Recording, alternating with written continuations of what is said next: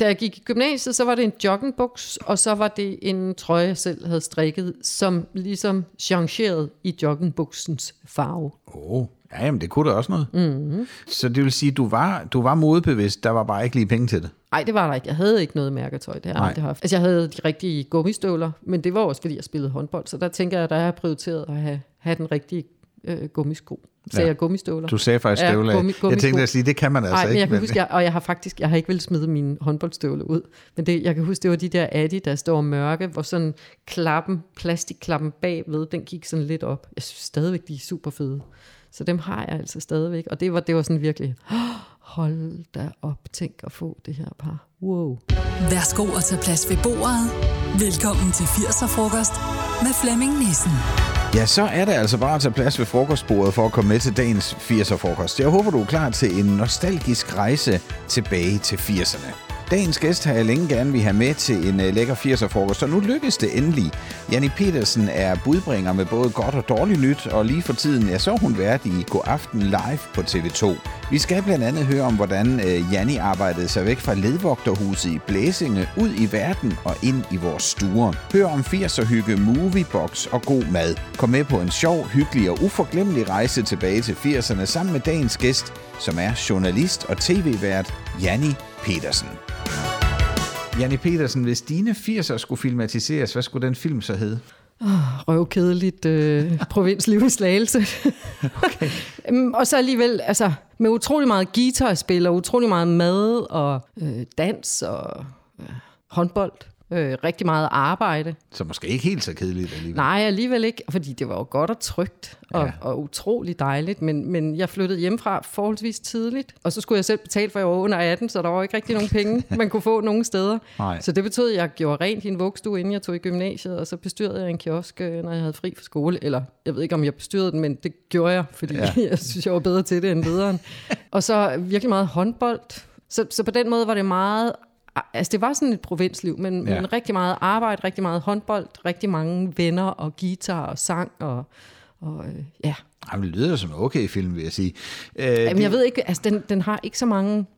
Der er måske, man kunne godt køre sådan noget socialrealisme ind over den, ikke? fordi der er jo en grund til, at jeg flyttede hjemmefra i så tidlig en alder, så der kunne man måske godt lave sådan noget, øh, vil du se min smukke navle med nogle kanter og noget sorg og, Ja. og mistrivsel og sådan noget, men, øhm, men ellers så bare et ganske almindeligt provinsliv. Ja. Altså, jeg, jeg, da jeg fik mit kørekort, det fik jeg på min fjerde køretime. Okay. Og det gør man jo ude i provinsen, ikke? Altså, der har man dengang fem køretimer, så havde man... Altså, jeg tror, mit kørekort kostede 967 kroner, ikke? Fordi Ja, okay. jeg kunne fandme køre bil. Ja. Det havde jeg jo trænet inden, ikke? Ja, ja, det gjorde man jo.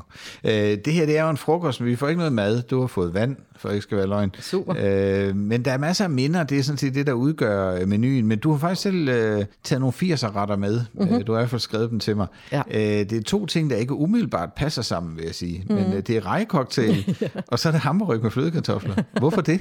Altså, den der rejecocktail, da jeg flyttede hjemmefra, så mig og min kæreste var sådan de første, der var flyttet hjemmefra i vores gruppe, så det betød, at vi altid var rigtig, rigtig tit hos os. Og hvordan lavede man så noget, der var sådan lidt, lidt lækkert, men øh, uden at koste særlig mange penge, og så købte man sådan en pose fryse rejer, og så hullede man noget creme fraise oveni, og noget citron, og så noget Heinz tomat ketchup, ikke? Ja. Og så tror jeg også, vi købte de der klamme dåser med asparges, ikke? og så høvlede man det op i, og så noget af det der flyt, der var hakket, Ja. og så havde det sådan noget hvidløg og smør ned i, og så Ja. puttede man det ind i, i ovnen, og så, så, så var der en god forret. Ja. Så det, det var ligesom øh, det, vi spiste om fredagen. Men I fik det ikke til hamburg med flødekartofler? Nå, det kunne vi godt have fået. Så fik Okay. okay. vi så hamburg med flødekartofler bagefter. Og jeg er... Øh, min mor og far blev skilt, da jeg var 8 år, og derefter var pengene meget, meget små i vores, i vores lille bolig. Øh, så det betyder, at jeg altid har sat tæring efter næring. Ja. og, øh, men jeg har altid været enormt privilegeret, fordi min mor og moffer, de havde et husmandssted øh, på Røsnes, og det betød, at vi altid har fået enormt godt kød. Okay. Så, så jeg har altid, selvom pengene var små, øh, også indtil jeg nærmest blev færdig som journalist, så det der med at få ordentligt kød har altid betydet noget for mig. Så en god hamburg hjemme for mor og moffer, og så flødekartofler, det var sådan noget, ej, fandme lækkert. Jeg fik det altid til min fødselsdag. Det er da også super lækkert. Er der nogle af de to ting, du stadigvæk spiser? Ja da. Jeg spiser ikke så meget kød mere. Nej. Øh, vi spiser kun kød en gang om ugen nu. Så, Ja. Men, men når jeg, jeg, jeg køber sådan en økologisk god hamburg, ikke? Ej, det synes jeg er lækkert. Nu spurgte jeg jo til at starte med, hvad en 80'er-film om dig skulle hedde. Men hvem skal så spille hovedrollen i filmen? Hvem skal spille Janni? Det tror jeg. Har du et bud på det? Altså, jeg tror måske, at jeg minder lidt om Sisse Babette Knudsen, men jeg tror måske, Josefine Fork er, er, er i virkeligheden... Altså, jeg vil gerne se mig som Sisse Babette i, i og det er jo ikke Sisse Babette Knudsen, Nej, men nej. i de roller, hun har spillet, ikke? Ja. Som sådan den sjove, den kantede, den underfundige, som lige kommer med den sjove kommentar, altid lige løfter stemningen, fordi det er så en rolle, jeg altid har påtaget mig. Ja. Men jeg synes måske, at Josefine Fock i de roller, hun har spillet, måske har mere af det der, mm, det jeg også kæmpede med, altså de der kantede sider, og noget af det, man sloges med. Ja. Forstår du det? Jeg synes, det er svært at sige. Ja, det giver meget god mening, synes jeg.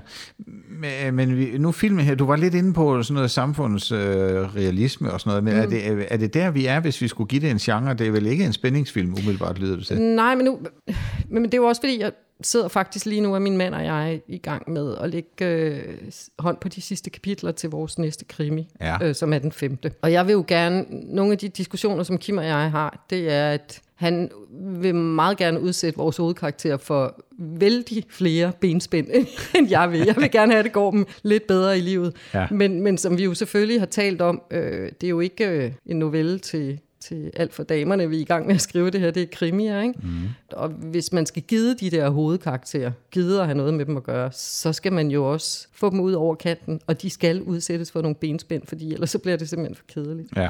Så når jeg tænker film, øh, så tænker jeg jo også, at så vil man gå derind, hvor livet var svært for mig, fordi det er det, der er en motor i og en drive i, og Ja. det er det, der gør, at man gider at se den her film, tænker jeg.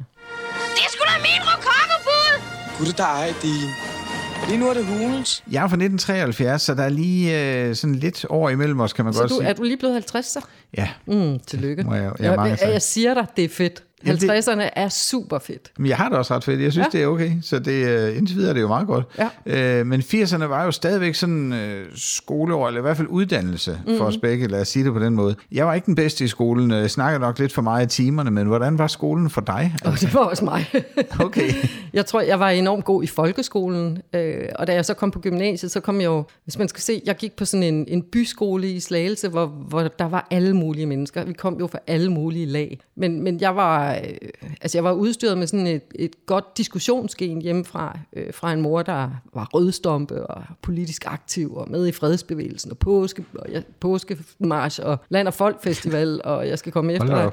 Og der blev læst information. Så jeg kom jo fra sådan et, et, et hjem øh, med en social indignation. Mm. Jeg ved egentlig ikke, hvor politisk hun var, men hun var meget socialt indigneret. Den tror jeg måske, jeg har fået videre. Det var også derfor, jeg ville være journalist. Ikke så meget med udgangspunkt i sådan en politisk ståsted, men mere det der med at, at give, øh, give noget opmærksomhed til, til den lille mand, som måske ikke har en platform. Ja. Ikke tale deres sag, men i hvert fald være med til at sætte fokus på nogle af de sprækker, der er i samfundet. Jeg Ja. tror, det var derfor, jeg ville være journalist. Men i, i folkeskolen, så tror jeg meget, da jeg så...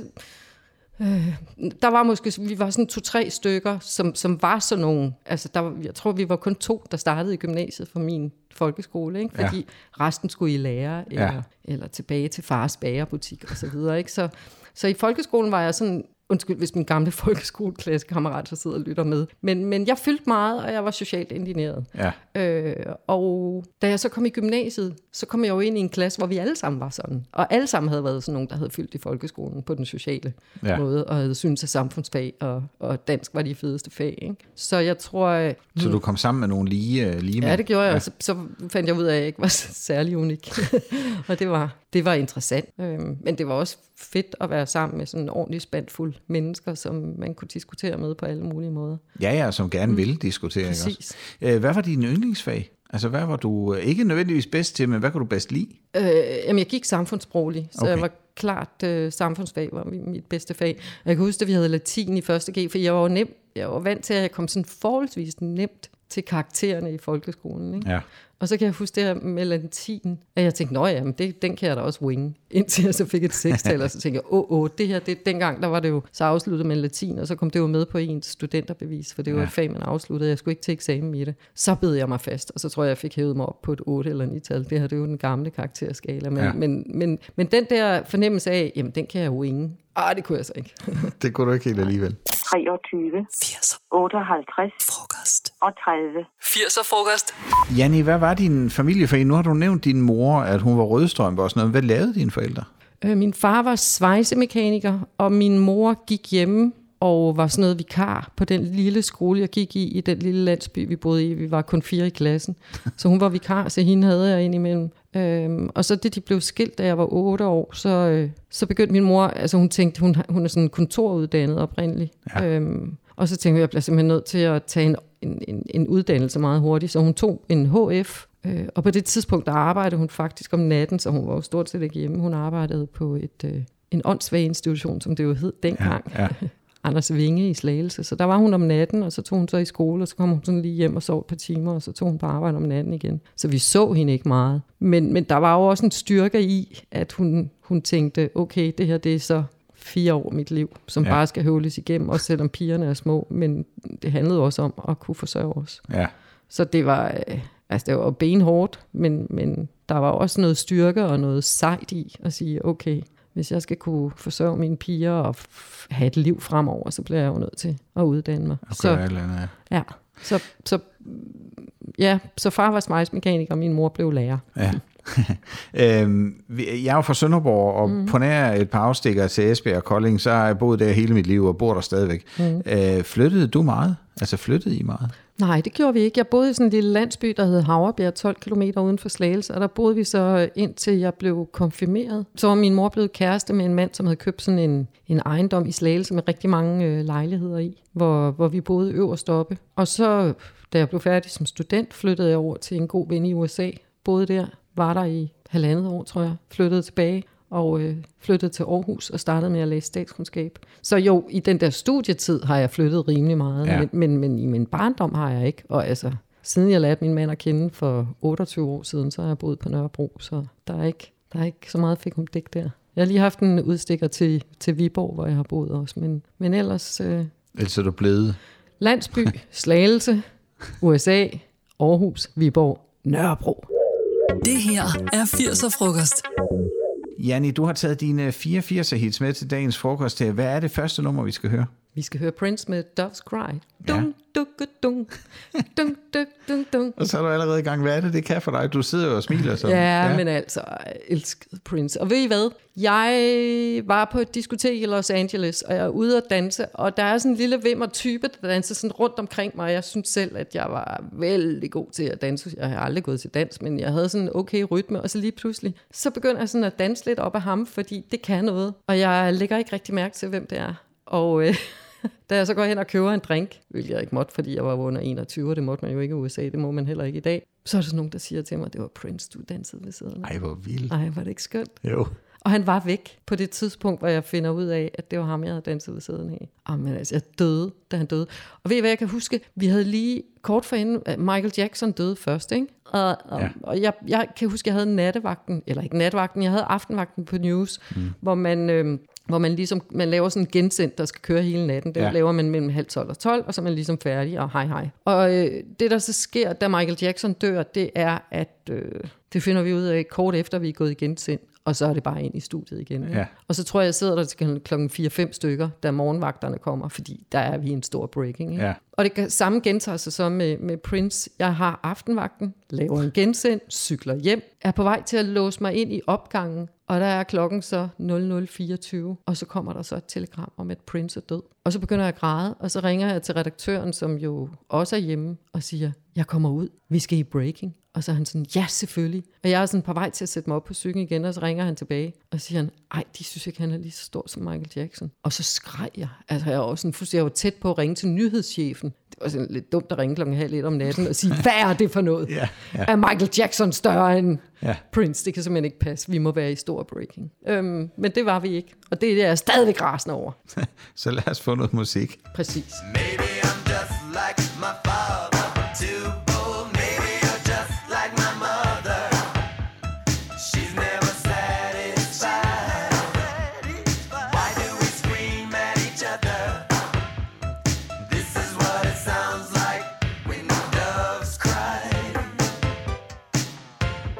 Jeg kan huske, at mine venner de begyndte at få øh, computer og bip-bip-spil og Commodore 64 og Amiga og sådan noget øh, smart noget der. Det havde vi ikke rigtig råd til hjemme hos os. Mm. Var I øh, first movers på sådan nogle ting? Altså havde du sådan noget af det smarte der? Altså, jeg har fortalt Nej, det havde vi ikke. Nej. Altså, jeg tror, vi, vi- jeg tror, fik vi et farvefjernsyn nogensinde? Måske, da vi flyttede til Slagelse og sammen med min, min mors daværende kæreste, tror jeg, vi fik farvefjernsyn, men der er jo været en 14-15 år eller sådan noget. Ja. Nej, nej, nej, det var slet ikke. Altså, jeg husker mine veninder, som boede i landsbyen, øh, som var noget mere ved muffen, end vi var i, i vores lille ledvogterhus. Altså, de havde farvefjernsyn og swimmingpool og sådan noget. Og jeg kan huske min allerførste kæreste.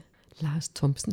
Øh, hans far var tandlæge, og jeg kan huske, da jeg er ude og besøge ham i sådan et fint hjem med kunst og arkitektur og sådan noget, så står der, da man kommer ind i brygger, så, så står der sådan en hel kasse med colaer. Nå, ja. Og jeg kan huske det der, hold da op, tænk at bo i et hjem, hvor der står en hel kasse med colaer. Jeg kan huske, jeg spurgte min mor enormt meget, om vi ikke skulle have sådan noget soda stream. Ja, Men øhm, det var der sgu ikke rigtig penge til. nej. Var det noget, du manglede? Altså, øh, tænkte du over det i det daglige? At du Ja, jeg vidste godt, at vi ikke havde penge. Ja. Men min mor var til gengæld så god til at sy, så, så jeg havde noget virkelig pænt tøj på, og nogle virkelig pæne kjoler. Og jeg, jeg tror, det fyldte, fordi mine veninder, altså dels mine bedste veninder, da jeg var barn, og, og sådan mm, i, den, i de spæde teenagealder, øh, de var to år ældre end mig. Og jeg var, det, det var som om, det hele bare strittede på mig. Jeg havde faktisk stridtører på det tidspunkt. Dem fik jeg sat ind, da jeg var 15 år. Øhm, jeg havde enormt, altså jeg var simpelthen så spinkel, og så havde jeg enormt store bryster. Og det, det højre var større end det venstre, og jeg havde suttet på tommelfingre til jeg var 6-7 år eller sådan noget. Den er jo svær at komme af med, ikke? Medmindre man putter sådan noget salmiak-agtigt. Det ville min mor alligevel ikke gøre. Så jeg havde også stridtænder, så det hele det strittede ligesom på mig. Og jeg havde bare de der tre veninder, jeg kan huske. Christina, hun lignede hende der Sue Ellen fra Dallas. Og Rikke, hun var bare sådan lyshåret og havde sådan nogle pæne tænder og var simpelthen så smuk. Det er hun stadig. Og Lise, hun havde, jeg kan huske, hun havde bare sådan en perlerække af, af tænder, og deres ører sad, og deres hår sad, og, og de var simpelthen så pæne, og det, det hele det strittede på mig. Jeg kan huske det der med, at jeg stod foran spejlet, og så lavede jeg sådan lidt underbid, og så prøvede jeg så, lytterne skal sådan, I skal forestille mig nu, jeg tager min venstre hånd, løfter den over hovedet, trykker højre, nej, det var, det var højre arm op, trykker venstre øre ind, fordi det betød så, at brysterne var i vatter. Ja, og så, okay. kunne jeg, så kunne jeg hive mit højre øre, øh, og så kunne jeg lave underbid. Og så tænkte jeg, okay, det er sådan, jeg skal se ud. Okay. Så jeg synes... Altså nu spørger du, og når jeg sådan lige skal sådan reflektere hurtigt, så er det ikke sådan, at jeg tænker, hold da op, hvor jeg øh, var bagud og forarmet, og hele Nej, tiden nej. tænkte, at alle mulige andre har meget mere end mig, fordi mit hjem var fyldt med, med, med dans og sang og, og øh, rigtig gode naboer, som vi var tæt på, og øh, der var revy i den lille by, og jeg spillede badminton og håndbold og gymnastik, så der var enormt, og jeg var god til det, så på den måde, så, så, så var jeg jo en, der fyldte, ikke? Ja. Men, men når jeg kigger på det sådan fuldstændig, øh, altså lav, ikke lavpraktisk, men når jeg sådan ligesom skærer det hele fra, øh, ja, så var det da træls at ikke øh, have det lidt pænt tøj som mine veninder, og ikke synes, at jeg var lige så smuk og lækker som dem. Men jeg tror måske, hmm, jeg har altid fyldt meget, så jeg har jo altid fået opmærksomhed, fordi jeg har fyldt meget og sagt sjove ting, eller jeg var enormt god til at synge også. Og, så på den måde, så det jeg måske ikke synes, jeg havde i udseende, eller i, i penge, eller i, i lækkert tøj, det havde jeg så måske ved bare at, at fylde enormt meget og få opmærksomhed. Det her er 80'er frokost. Jeg havde fritidsarbejde i min forældres bageri, apropos det, du sagde før med, at øh, en eller anden skulle tilbage og arbejde hos far. Ikke? Øh, det var faktisk meget sjovt på den måde at være sammen om det, der foregik i huset. Ikke? Øh, jeg skar rugbrød og pakkede kager og betjente kunder og bragte varer ud og alt muligt. Øh, Og så, når du havde været i byen, ja. Og havde været spritstiv, Ja. så mødte du klokken 5 om morgenen, og så stod du med de der plader med romance, og hvad gjorde du så?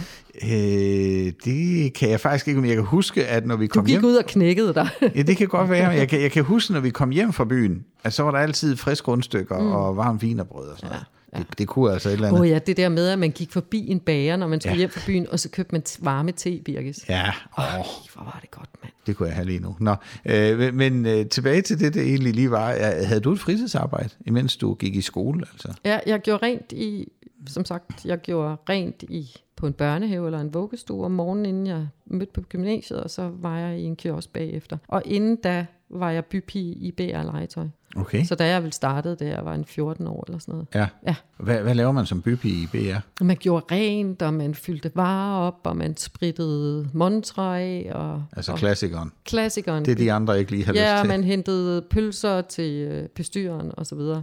Og så havde vi, vi havde sådan en øh, ret fed bestyrer, som som han var sådan en kæmpe legebarn, så det var en fest, når vi var sammen med ham. Jeg kan også huske øh, den gamle Børge Rasmussen, var det ikke det, han hed? Som jo altså var stifteren af BR Ja. Legetøj. Han kom, altså han tog jo rundt og sagde hej og så videre. Og så havde sjovt. en lille kasket på, og ham hilste jeg på. Det var sådan nærmest ligesom at møde, ja, det ved jeg ikke, Prince.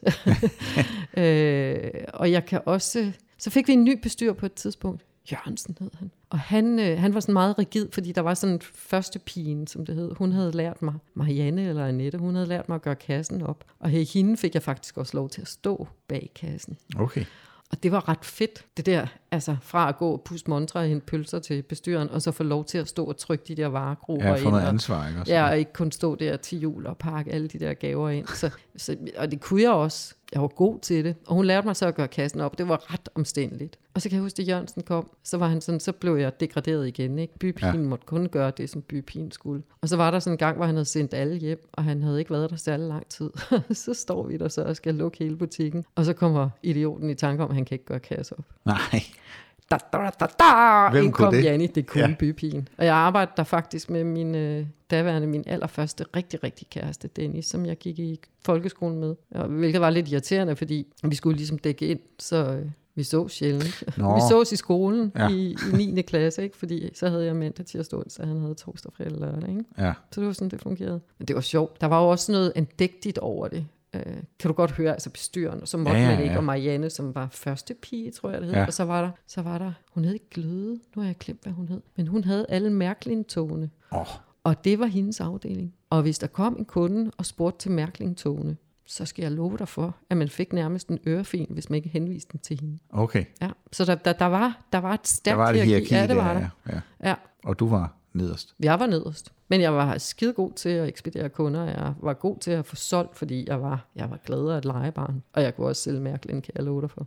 Det her er 80'er frokost. Janni, vi har måske været lidt inde på det, eller jeg har i hvert fald dannet mig et eller andet billede, men, men hvordan så der ud hjemme hos dig i 80'erne, hvis vi nu åbner hoveddøren og går ind, og lad os bare tage ind i flyttet, altså, mm. hvordan så der ud? Men Man skal forestille sig, at vi boede i sådan en lille ledvogterhus øh, 12 km uden for Slagelse, og det var en dag i, altså sådan, det var uden for den lille landsby det lå i noget, der hed Blæsinge. Altså, der Så var, vi er helt ude. Ja, ja, vi er Ja. helt ude. Der var vores hus, og så, skulle, så var der en gård lige overfor, eller sådan et skråt til venstre, hvor Erik og Henrik var sådan en legekammerat, og så skulle man sådan ligesom 400 meter længere op ad vejen, før den næste nabo var der. Ikke? Øh, men det var et ledvogterhus, og det er jo sådan en forholdsvis lille hus, men jeg har sådan en fornemmelse af, at det der ledvogterhus sådan bulede udad. Fordi da min far boede hjemme, han var en ret festlig kæl, så var der ret mange fester, og der var vist, altså Ja. folk kom, og så blev vistbordet sat op, og så sad man ligesom derude i haven, og Og så blev der røget. Og... der blev røget ja. og drukket rigtig mange bajer. Ikke? øhm, og jeg kan huske sådan, øh, min far, som sådan laver strip ned ad trappen og synger I found my thrill on Blueberry Hill. Og så smed han tøjet af, mens han sådan gik ned ad trappen. Så det var, der var smæk på, men altså alt det der... Øhm, øh, rimelig meget alkohol, rimelig meget fest, har jo også en skyggeside Ja, det har vi som regel. øh, som vi jo så også levede i. Men når man kommer ind, så skal man forestille sig, at min far har bygget, har det været MDF-plade? Det må det næsten have været, fordi det er jo sådan ret hårdt. MDF Eller, eller spånplader måske. Eller Nej, ikke spånplader, fordi Okay. det er for, du skal forestille dig, hvis man ikke ved, hvad MDF-plader er, så er det en spånplade, som er rimelig, rimelig tyk ned, ikke? Ja, Så han har simpelthen bygget sådan nogle kassemoduler, som var vores sofa, og så havde mor bygget hønder til. okay. Øh, så havde vi et orange klaver, som mor havde malet orange. Og så havde vi sådan en lille fjernsyn. Hvad? Ja, altså, det fylder ikke særlig meget. Altså, hvad, hvor meget er vi her? Måske 15-20 sommer. eller Ja, sådan noget, Ja. ja. som, som havde sådan en antenne, som stod ovenpå, og hvis den væltede ned, jamen, så skulle man jo stå og rette den ud hele tiden igen, for at ligesom få ja, ramt et eller andet signal et eller andet sted. Og så havde vi sådan nogle, øh, så var der jo, ja, det var savsmuldstapet. Mm. Og så var der vel sådan nogle hessian-gardiner. Ja. Ja. Ja. det har været smukt. Ja. Øh, hvis vi så går ind på dit værelse, var der orden derinde? Altså, var der orden på pigeværelset? Øh, men jeg delte et værelse med min storesøster, Ja. øh, og jeg tror ikke, vi var sær- sønderligt øh, oprydende, nogle af os. Jeg tror, altså jeg har vel været, og da vi flyttede til Slagelse, hvor jeg fik min eget værelse, så har jeg vel været som en hvilken som helst teenager, at der stod yoghurtskåle med, med mug på, ikke? og mor nægtede, at, øh, Hun, hun tog dem ikke. Ja, nej, det gjorde hun satme ikke. Men vi havde heller ikke opvaskemaskine, så jeg kan huske noget med, at vi vaskede ikke op hver dag, men det skulle så skylles af, og så stod det ligesom i bunker, ikke? og så Ja. ja. måtte man så tage den der opvask en gang imellem. Og mig og min storesøster, vi kunne ikke lide ost, nogen af os, så ostehøvlen, det var den sidste, vi tog, fordi resten af bestikket skulle ikke inficeres af det, der var på ostehøvlen. Hold da kæft, nogle hysteder. Ja, dag. 80'er frokost. Det hedder Mogens. Janni, du har taget et nummer mere med. Hvad skal vi høre nu? Vi skal høre Africa med Toto, som jo også er en del, tror jeg, af alle, der er født og, eller der er opvokset i 80'ernes Ja. playliste. Og det er det stadigvæk. Jeg bliver så glad, når jeg hører det nummer. Så giv den gas. Hurry, boy,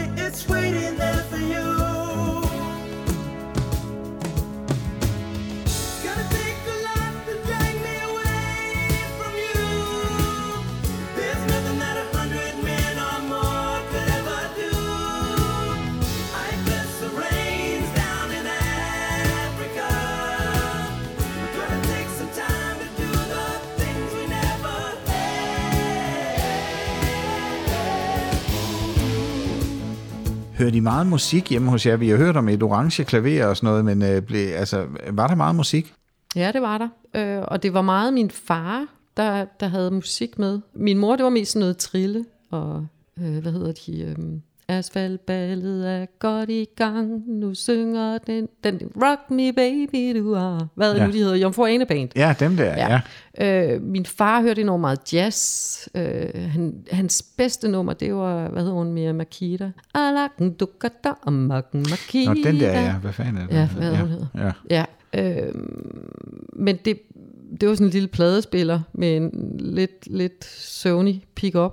Men ja, min far hørte enormt meget musik, og han spillede ret godt guitar. Min storesøster lærte hurtigt at spille klaver. Øh, jeg lærte også at spille guitar, det gjorde min mor også, men det var mest noget e-mol. Jeg har fanget mig en myg. men jeg gik til guitar. Problemet var bare, at min far sagde til mig, at øh, jeg skulle helst... Jeg er venstrehåndet, Ja. ja. men så sagde han, prøv at lære det på den rigtige måde. Altså dengang hed det jo, at man var kajthåndet. ikke? Ja. Fordi han sagde, når du skal ud, og man sidder rundt omkring bålet og sådan noget, så er det jo fedest at bare kunne tage en guitar, der ligesom er i rummet. Så det Ja. gjorde jeg, og det betød også, at jeg aldrig blev super god til at spille guitar, fordi Det var forkert for dig. altså. Jamen det er simpelthen forkert. Ja. Altså jeg kan jo mærke, at øh, følelsen og, og det at kunne spille fingerspil, eller det sidder jo i den venstre hånd, men jeg har ligesom lært det med den der akavede højre hånd, der ja. ikke rigtig kan noget. Ikke? Ja. Så der var rigtig, rigtig meget musik, Men... og det var der også mine ungdom. Min mand hører enormt meget musik. Jeg må sige, at de sidste mange år, specielt efter at vi startede News, som jo begyndte for snart 17 år siden, der har jeg jo, når jeg har været hjemme, så har jeg bare hørt News, så har det bare kørt, fordi der var den der, jeg skal høre, hvad der sker op Ja. til, at jeg selv skal i studiet, fordi man var, øh, det at, at være vært på News var, jeg er udlånt nu fra News, det er god aften. Ja. Øh, men har stadigvæk sådan lidt nørdet krimimagasin og retsmagasin, der hedder Bag Forbrydelsen. Men jeg sidder jo ikke i den daglige flade mere på news. Men, men det at være vært på news, altså, var man, der er man journalist, når man sidder inde i studiet. Mm. Man når jo ikke at gå alle de interviews. Altså når man sidder på sådan en dagsflade, kan man jo nå at lave 12 live interviews, og, og de kan ikke være forberedt for reporterne alle sammen lige godt. Nej. Så, så man bliver simpelthen nødt til at have rigtig meget i rygsækken, og derfor kunne jeg jo ikke lade være med at have news kørende, fordi jeg skulle lige se det der samråd. Selvom jeg ikke var på arbejde, så jeg vidste, hvad, hvad trafikministeren eller justitsministeren blev spurgt om, så jeg kunne bruge det næste dag, når der var et eller andet. Så, så jeg må sige, øh, siden jeg blev studievært, der har det simpelthen været for nedadgående. Der er det dampet af. Ja. Men er der noget af det musik fra dengang, du stadigvæk kunne finde på at høre? Jamen, jeg hører, øh, altså, jeg hører Prince, når jeg gør rent. Nu har jeg, jeg, altså efter rigtig, rigtig mange år, så har jeg simpelthen fået rengøringshjælp, fordi jeg tænkte, ej, altså, jeg er krimireporter, jeg er studievært, jeg er krimiforfatter, jeg må faktisk gerne få rengøring. Men ellers, øh, når jeg, når jeg gør rent, øh, hvilket jeg så ikke har gjort de sidste tre uger, fordi jeg har fået rengøring, og kæft, er det fedt, øh, så hører jeg Prince, og jeg hører øh, den plade, der hedder Diamonds and Pearls, Pearls, Pearls, Pearls. Pearls. D to the I to the A to the M. Hvorfor har jeg ikke valgt dem? Det var også fordi, den kommer efter 80'erne. Men åh, kæft, det er godt. Walter, jeg tror, jeg er enig med min pilsner, når den siger, den gerne vil trækkes op. Det her er 80'er frokost. På det her tidspunkt i vores frokost, der skal vi på tidsrejse, og du må bestemme årstallet i 80'erne, hvor vi skal hen. Øh, hvor er det, vi skal mødes med den unge Janni? Jeg tror, det må være 1987, fordi der blev jeg student. Ja. Og så er det jo det der med, så ligger hele verden derude forude.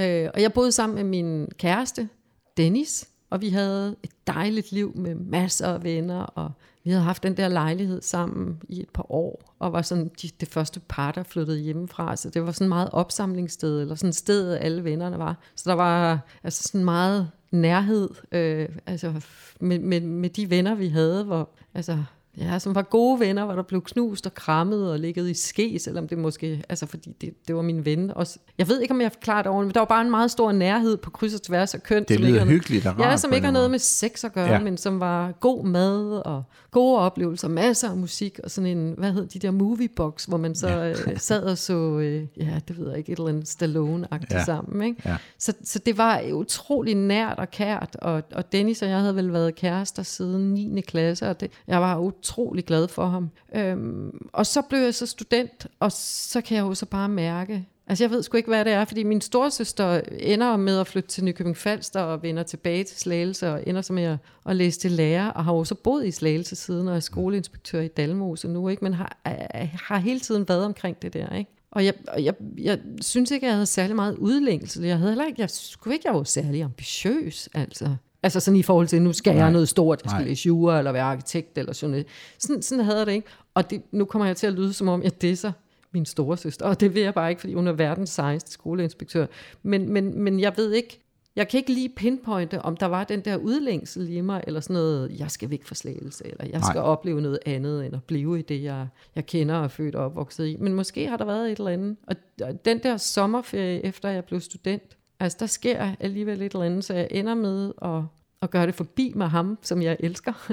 og øh, ja, skynder mig, jeg får et arbejde på sådan et sted for, øh, for øh, evnesvage, som det hed dengang. Men nogle af dem, der var rigtig gode, så de gik i skole og lærte øh, tegn til tale i løbet af sådan forholdsvis kort tid, og sparede penge sammen. Og så tog jeg til USA og flyttede over til en mand, en ung mand, der havde været exchange student i vores 3.G. Så der har alligevel været noget. Og Der skete noget der. Men hvad vil du sige, hvis vi nu fanger hende der, der står med studenterhuen på, mm. Janni, hvad vil du sige til hende?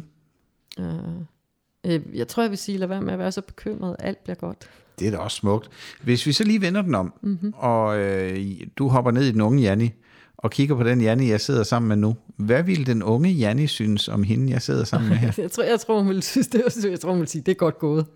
Altså, øh, og nu kommer jeg med en indrømmelse. Ja. Ja. Fordi jeg læste statskundskab. Da jeg kommer tilbage fra USA, starter jeg med at læse statskundskab. Og øh, jeg knækker simpelthen halsen på statistik. Mm. Og jeg knækker også halsen, fordi jeg kan mærke, at alle dem, som jeg går i klasse med, eller dem, som jeg sådan bliver venner med, de begynder ekstra læsegrupper, hvor de begynder at diskutere Kants filosofi, og hvorfor siger han sådan, og hvorfor, altså alle teorierne. Altså de har simpelthen overskud til, ud over det pensum, vi skulle læse, også at lave ekstra læsegrupper, bare fordi de synes, det var super fedt. Og det kunne jeg slet ikke. Altså jeg kunne simpelthen ikke. Altså jeg har kæmpet med mikro- og makroøkonomi og statistik, og knækker simpelthen på det. Ja, jeg knækker ikke, men må bare konstatere, at det her, det kan jeg ikke. Og så starter jeg i Frontløberne, som var en stor kulturorganisation, som Uffe Elbæk var leder af dengang, var med til at starte et månedsmagasin, og går så på sådan en journalistuddannelse der. Og ender så med at være i Frontløberne i fire år. Og har så fået en kæreste, der bor i Holstebro, og hans søster har længe gerne vil starte en café i Viborg. Og jeg ender så med at flytte til Viborg og starte den café. Og det er en meget, meget lang indskudt sætning for ligesom at komme til det spørgsmål, som du stillede.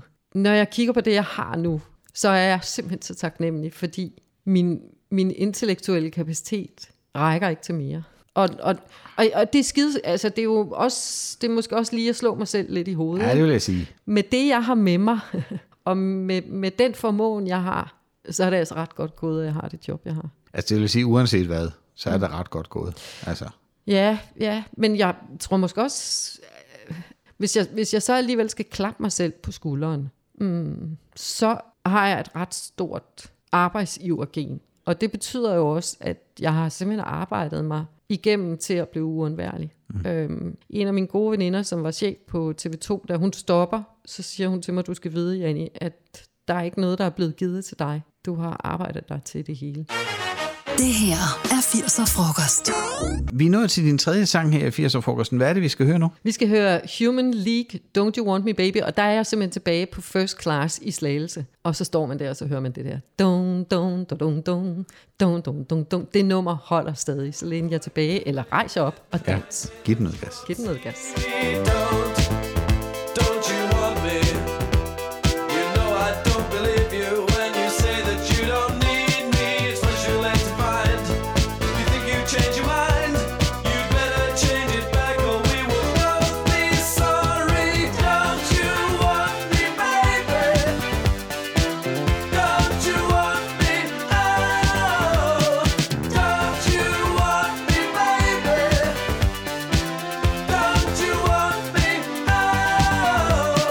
Jeg kan huske, at min søster og mig, vi lå på gulvet foran fjernsynet for at se alle de her serier, Matador, Dallas, Dollars og alt muligt. Og det var ligesom fjernsynet, der samlede familien, når, når ellers far var vågen. Ikke? Øh, og det var jo DR, der bestemte tidspunktet. Mm-hmm. Fordi hvis det var klokken 8, der kom noget, så var det der, man sad der. der er ikke. I dag øh, tænder vi jo, for, når vi har lyst på Play eller et eller andet andet. Mm. Ikke? Øhm, og selvfølgelig godmorgen og god aften, Danmark, det er klart.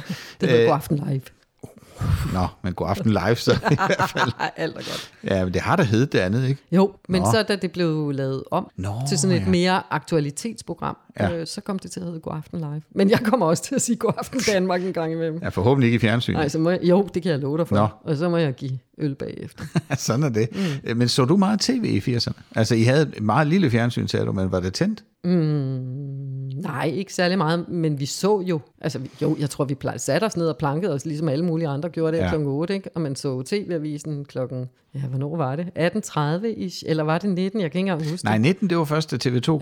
Ja, ja, det er rigtigt. Men det så vi da. Øh, Ja. ja. Birgit Meister og Sten Bostrup. Og, øh, Med korrekt udtale. Ja, fuldstændig ja. rigtigt. Og, men det, jeg sådan bedst kan huske, det er Tips Lørdag. Fordi Nå. der var sådan et eller andet øh, med far, når han sad der med sin øl og sin prins. Altså sådan en, en øl en sen lørdag, ikke? Og Ja. så så man Tips, tips lørdag med Tommy Troelsen. Og så kan jeg huske det der, hver gang der kom et øh, resultat. Bling! Crystal Park Ranger. Eller hvad hedder det nu? Crystal Park Ranger. Hedder det det? Nej, det er vist en amerikansk fodboldhold. Jamen, jeg er ikke så god til fodbold. heller, så Øh, nej. men, men den der fornemmelse, altså den der ding-klokke, den, den, det var bare sådan noget rart og trygt og skønt. Og jeg holdt altid med Leeds, fordi min, min storesøster havde en ven, det var faktisk Lise, min gamle veninde, storebror Ian, som var halv skotte. Hans mor var skot, hun hed Rutte May. Øh, han holdt med Leeds, og ham var jeg jo lidt småforelsket i, da Ja. jeg var barn. Så derfor holdt jeg altid med Leeds. Tippede du? Ja, ja, vi tippede Ja. ja. hele tiden. Vandt du noget? Nej, aldrig nogensinde. Jeg tror, jeg fik en 12'er, da jeg var sådan noget 15-16 år eller sådan noget, og så fik jeg 37 kroner, så jeg havde åbenbart ramt det mest gængse. Så fik man en 12'er, og så fik man 37 kroner. Hold nu kæft. 80'er frokost. Nu skal vi til fest sammen med dig i øh, 80'erne, altså med 80'er, Janni. Prøv lige at fortælle mig, hvordan du så ud, når der skulle være fest. Jeg havde fået øh, sådan et par... Hmm, sådan et par røde bukser, og så havde jeg fået sådan et hvidt bælte med glimmer. Og så havde jeg vel sådan en, en bluse på, med sådan, øh, der har været sådan en, en skulderpude i. Og det var så det tøj, jeg havde. Okay, Så det var det, jeg havde på, når jeg havde til fest, og sådan har det sikkert været i, ja, i hvert fald igennem et år. Ikke? Sådan så et det var sættet. Det var sættet, og så Ja. havde jeg sådan noget, øh, så havde jeg sådan en, en ruskind støvle med sådan nogle, øh, sådan nogle flimmer ned, og det var Ja. ligesom det, jeg havde på. Og jeg gik heller ikke med det til daglig, fordi jeg vidste godt, at altså, min mor havde virkelig oppet sig, da jeg fik det her. Ikke? Ja. Så derfor så var det noget, der blev passet på og kun taget på, når jeg skulle til fest. Men jeg dansede, og jeg drak ikke. Jeg var ikke, altså, hold da kæft, det har jeg jo så indhentet siden, fordi hvis der er noget, jeg holder af, så er det et godt glas hvidvin. Men dengang drak jeg ikke. Øh, og det, altså man kan, hvis, man, hvis man har hørt hele vores frokost sådan i sammenhæng, så mm. kan man jo godt mærke, at der ligger en undertone af alkohol, der har fyldt rigtig Ja. meget i mit hjem. Ikke? Øh, og det har- tror jeg har betydet, at jeg altså faktisk op til i 20'erne, at jeg stort set ikke drak, fordi at alkohol var forbundet med utryghed for mig. Så jeg har altid været den, som når vi var i byen øh, og til fest, altså nu er jeg oprindeligt ude for en lille landsby, 12 km uden for Slagelse, og der var mange private fester. Også hvor, hvor folk var, og forældrene var og sådan noget. Altså, det var ja. sådan meget generisk. Men hvis der var nogen, der blev syge, fordi de havde drukket for meget, så var jeg altid den, der tørrede brække op. Det gør jeg stadig, hvis der er nogen, der bliver. Altså det, det, er ikke, øh, det, det kan jeg sagtens. Det har jeg ikke nogen problemer med. Ja, men, det men, kan men, jeg ikke. okay, men jeg var ligesom den.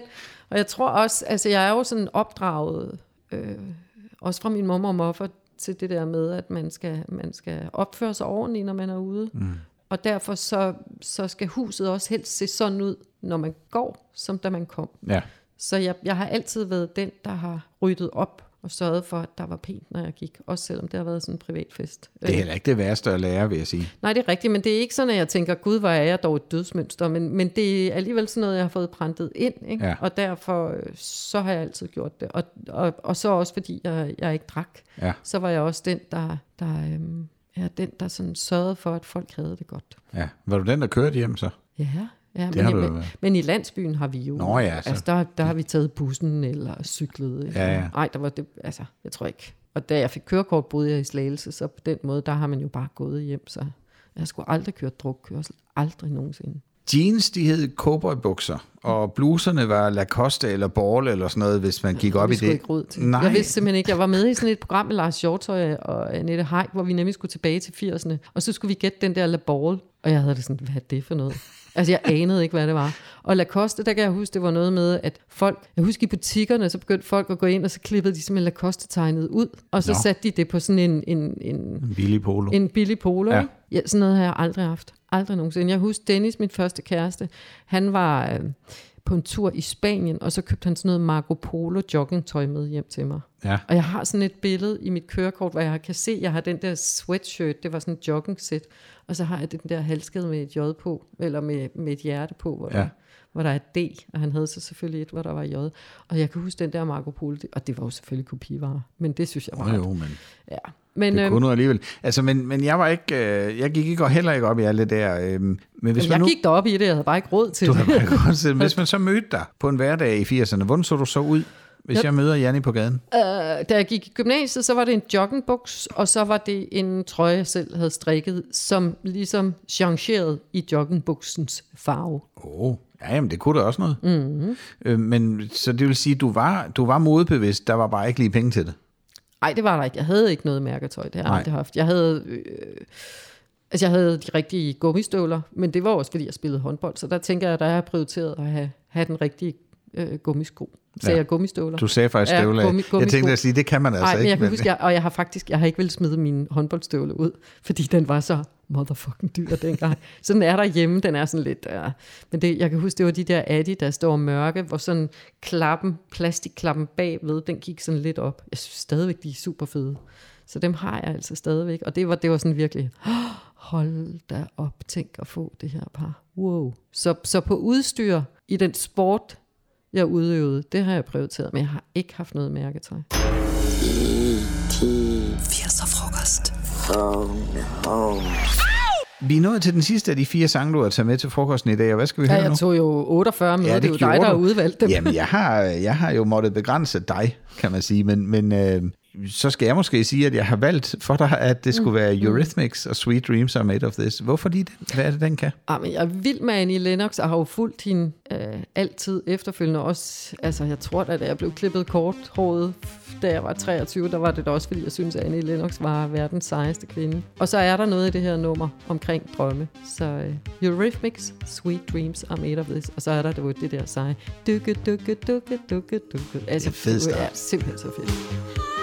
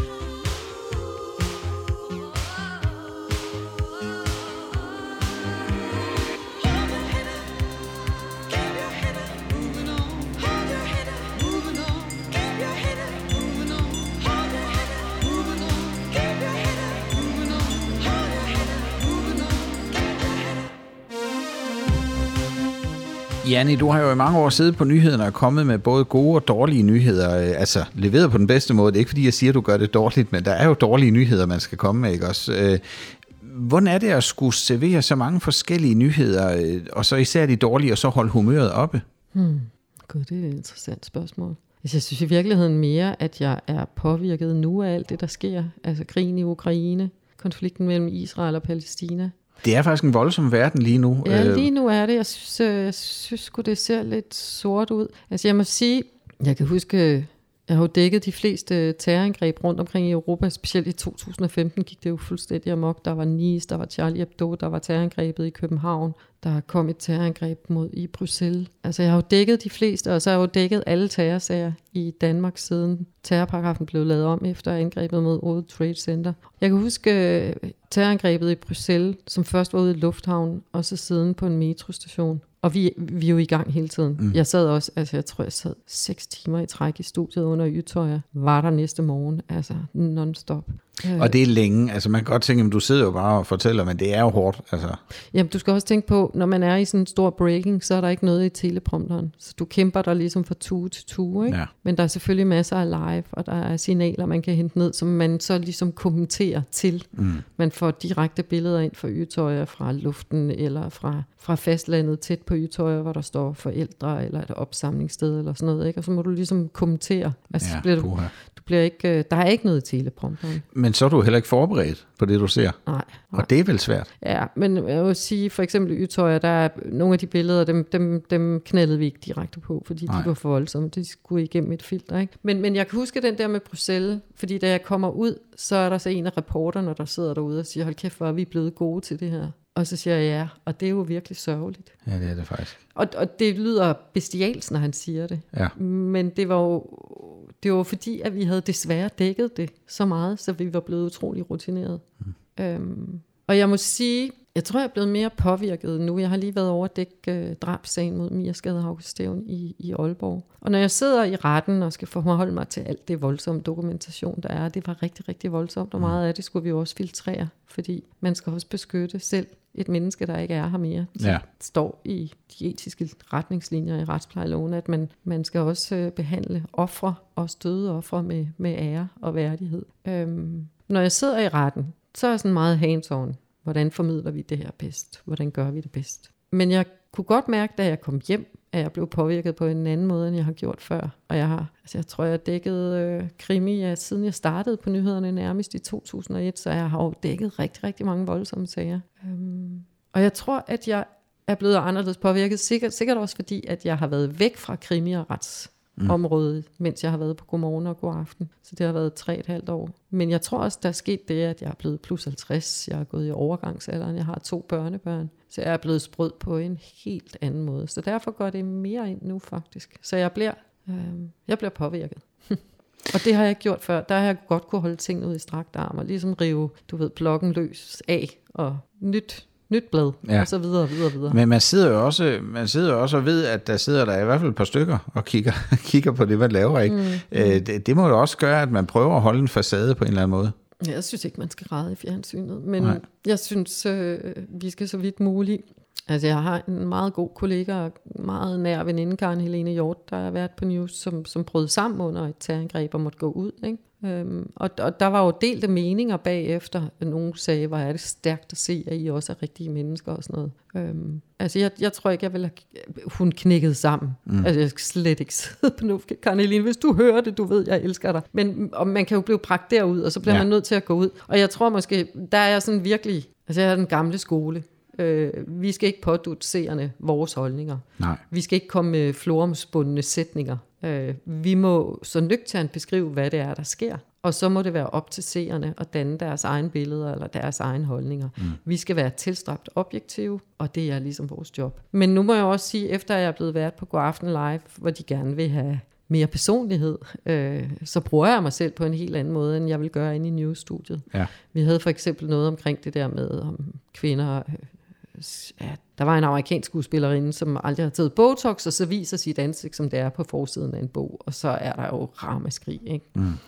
Og så brugte vi, vi, skulle, vi havde en diskussion i studiet omkring det der øh, med, med tre-fire kvinder, og så brugte jeg til at starte historien i gang. Nogle af de beskeder, jeg har fået om, at folk synes, jeg er for furet, eller jeg skal have den knop fjernet, eller jeg har, en, jeg har for mange rynker, eller så brugte jeg Det skriver de til dig. Ja, ja. Men så brugte jeg simpelthen det til at, at begynde historien. Ikke? Så, mm. så på den måde, så, øh, så bruger jeg mig selv mere, end jeg gjorde, da jeg sad øh, på, på news og nyhederne. Men altså, når man står der og skal referere fra Steinbacher, eller Amagermanden, eller Mia Skadehauke, eller, eller Britta Nielsen, så bliver man jo også nødt til, så, altså, jeg skulle ikke have nogen holdning. Øhm, jeg kan godt analysere, eller jeg kan øh, lave en historie, en historiefortælling omkring, hvad er det, der er sket, sætte det i perspektiv. Øh, men det er jo ikke mine holdninger, der skal frem, og det er heller ikke mig. Der vil jeg aldrig nogensinde sige jeg. Jeg vil aldrig sige, jeg følte også, da jeg så ham, eller det vil jeg aldrig nogensinde gøre. Men i går aften kan vi godt lige skrue lidt mere op for personligheden, men,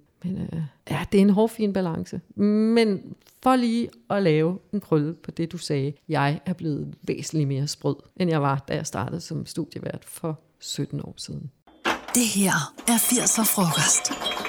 Janni, du har jo i øh, rigtig mange år været vores allesammens Janni. Øh, Du er kommet ind i vores stue, og man føler på en eller anden måde, at så kender man dig. Hvad, hvad betyder alle sammen, Janni? Det er fedt. Jamen, Synes du øh, det? ja, er det, det ikke bare jeg. noget? Nej, det er det faktisk ikke. Nå, hm.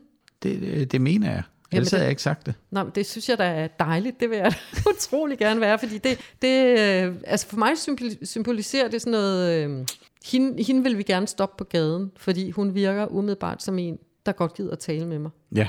At, Og jeg vil faktisk sige, at jeg så dig øh, en gang på gaden her i København, og det var inden jeg havde skrevet til dig, Mhm. øh, om du ville være med i fire. Og der var jeg sådan, kan man gå hen og spørge? Nej, det kan man sgu ikke. Nå. Øh, fordi øh, ellers ville jeg jo gå hen og spurgte, om Hvorfor du ville være med i ikke fire. Jamen, jeg ved det ikke. Men jeg har det bedst med at skrive inden, sådan, så jeg ikke tager dig, du ved, off guard. Det virker da også mærkeligt, at der kommer en eller anden, du overhovedet ikke aner, hvem er, og spørger, om du vil være med i et radioprogram. nej, nej, nej, nej, det er da så fint. Nå, men øh, alt det der er sagt, og jeg vil sige, når jeg siger, du er vores allesammens Janni, så er det jo også fordi, du kommer jo med alle de her nyheder, og derfor stoler man jo på, når man ser Janni, så ved man, så passer det formentlig, det der bliver sagt, ikke? Det håber jeg. Ja, det er jo det. Det er da dejligt, hvis folk har det sådan. Ja, lige præcis. Men jeg vil så også sige, nu bliver det ikke større, fordi jeg kan med glæde fortælle dig, at du er optaget i 80'er Frokostklubben. Øh, hvordan føles det at nå toppen? Hvilken ære. Ja, ikke også? Sikke en ære. Det er, jo, Janni- det er jo gode folk, du har haft med igennem tiden. Ja, ja, det er det. Det er det, og du kender jo nogle af dem. Det gør man sige. Flere af dem. Øh, men Janni, når du ikke sidder her nostalgisk sammen med mig, hvad sker der så lige nu? Der var noget med en krimi. Åh oh, ja. Øh, min mand og jeg er ved at skrive de sidste 5-6 kapitler på vores næste femte krimi, der skal udkomme til marts. Og lige nu ved vi ikke, hvordan et af drabene, altså hvem der er drabsmand, kvinde. Åh, oh, okay. Ja, men i går var vi ude i noget, og så sov vi begge to på det, og vågnede i morges og sagde, nej, nej, sådan skal det ikke være, det er for voldsomt. Øh, så, men det satser jeg på, at vi finder ud af inden, inden det næste stykke tid, fordi vi skal snart aflevere den. Øh, så er jeg lige begyndt at lave en ny podcast på TV2, som skal være sådan en aktuel krimi-podcast, mm. øh, sammen med Carsten Norton, der er tidligere krimi-redaktør på Ekstrabladet. Så det er sådan noget, et helt nyt format, det er jeg enormt glad for at få lov til øh, at kaste mig ud i. Og ja, så har jeg mine godaftenvagter, øhm, og så har jeg en hund, og så har jeg nogle børnebørn, og så har jeg et sommerhus på Læsø, og en ødegård med en masse venner i Sverige, og et kolonihavehus, som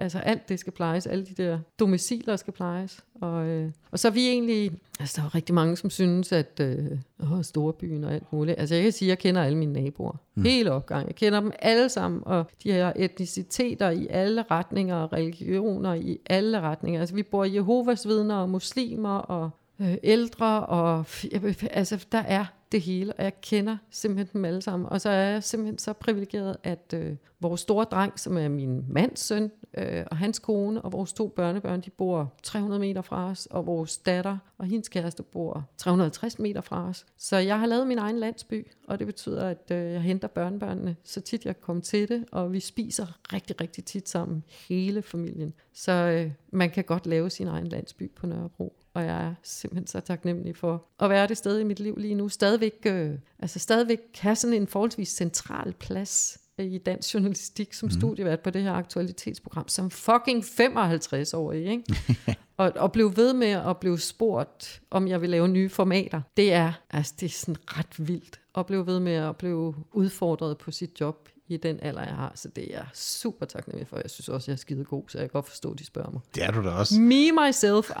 Ja, lige Du ud med at sige hele Danmarks Janni, og nu slutter jeg lige med at klappe mig selv på skulderen. Ja, det er smukt. Jeg synes, det er dejligt, at vi kan slutte ringen på den måde. Janni, jeg har været utrolig glad for, at du ville være med i 80'er-frokosten, også selvom jeg ikke spurgte dig på gaden. Det, Det skal du bare Det skulle gøre. jeg måske have gjort. Det havde da været meget sjovt at snakke om. Men jeg vil sige tusind tak, fordi du var med. Jeg vil altid gerne stoppes på gaden, men jeg vil ikke have at vide, at jeg ligner lort, når jeg har haft en aftenvagt til klokken 4, fordi det skal I bare stoppe med.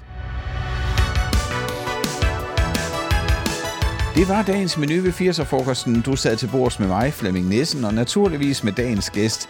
Endnu en gang tak til journalist og tv-vært Janni Petersen. Hvis du kunne lide det, du hørte, så husk at give 80'er-frokosten en bedømmelse der, hvor du hører podcast. Det vil jeg blive virkelig glad for. Du er også velkommen til at komme med forslag til, hvem du gerne vil høre i en 80'er-frokost. Fra på onsdag, der kan du gætte med på, hvem næste uges gæst i 80'er-frokosten er.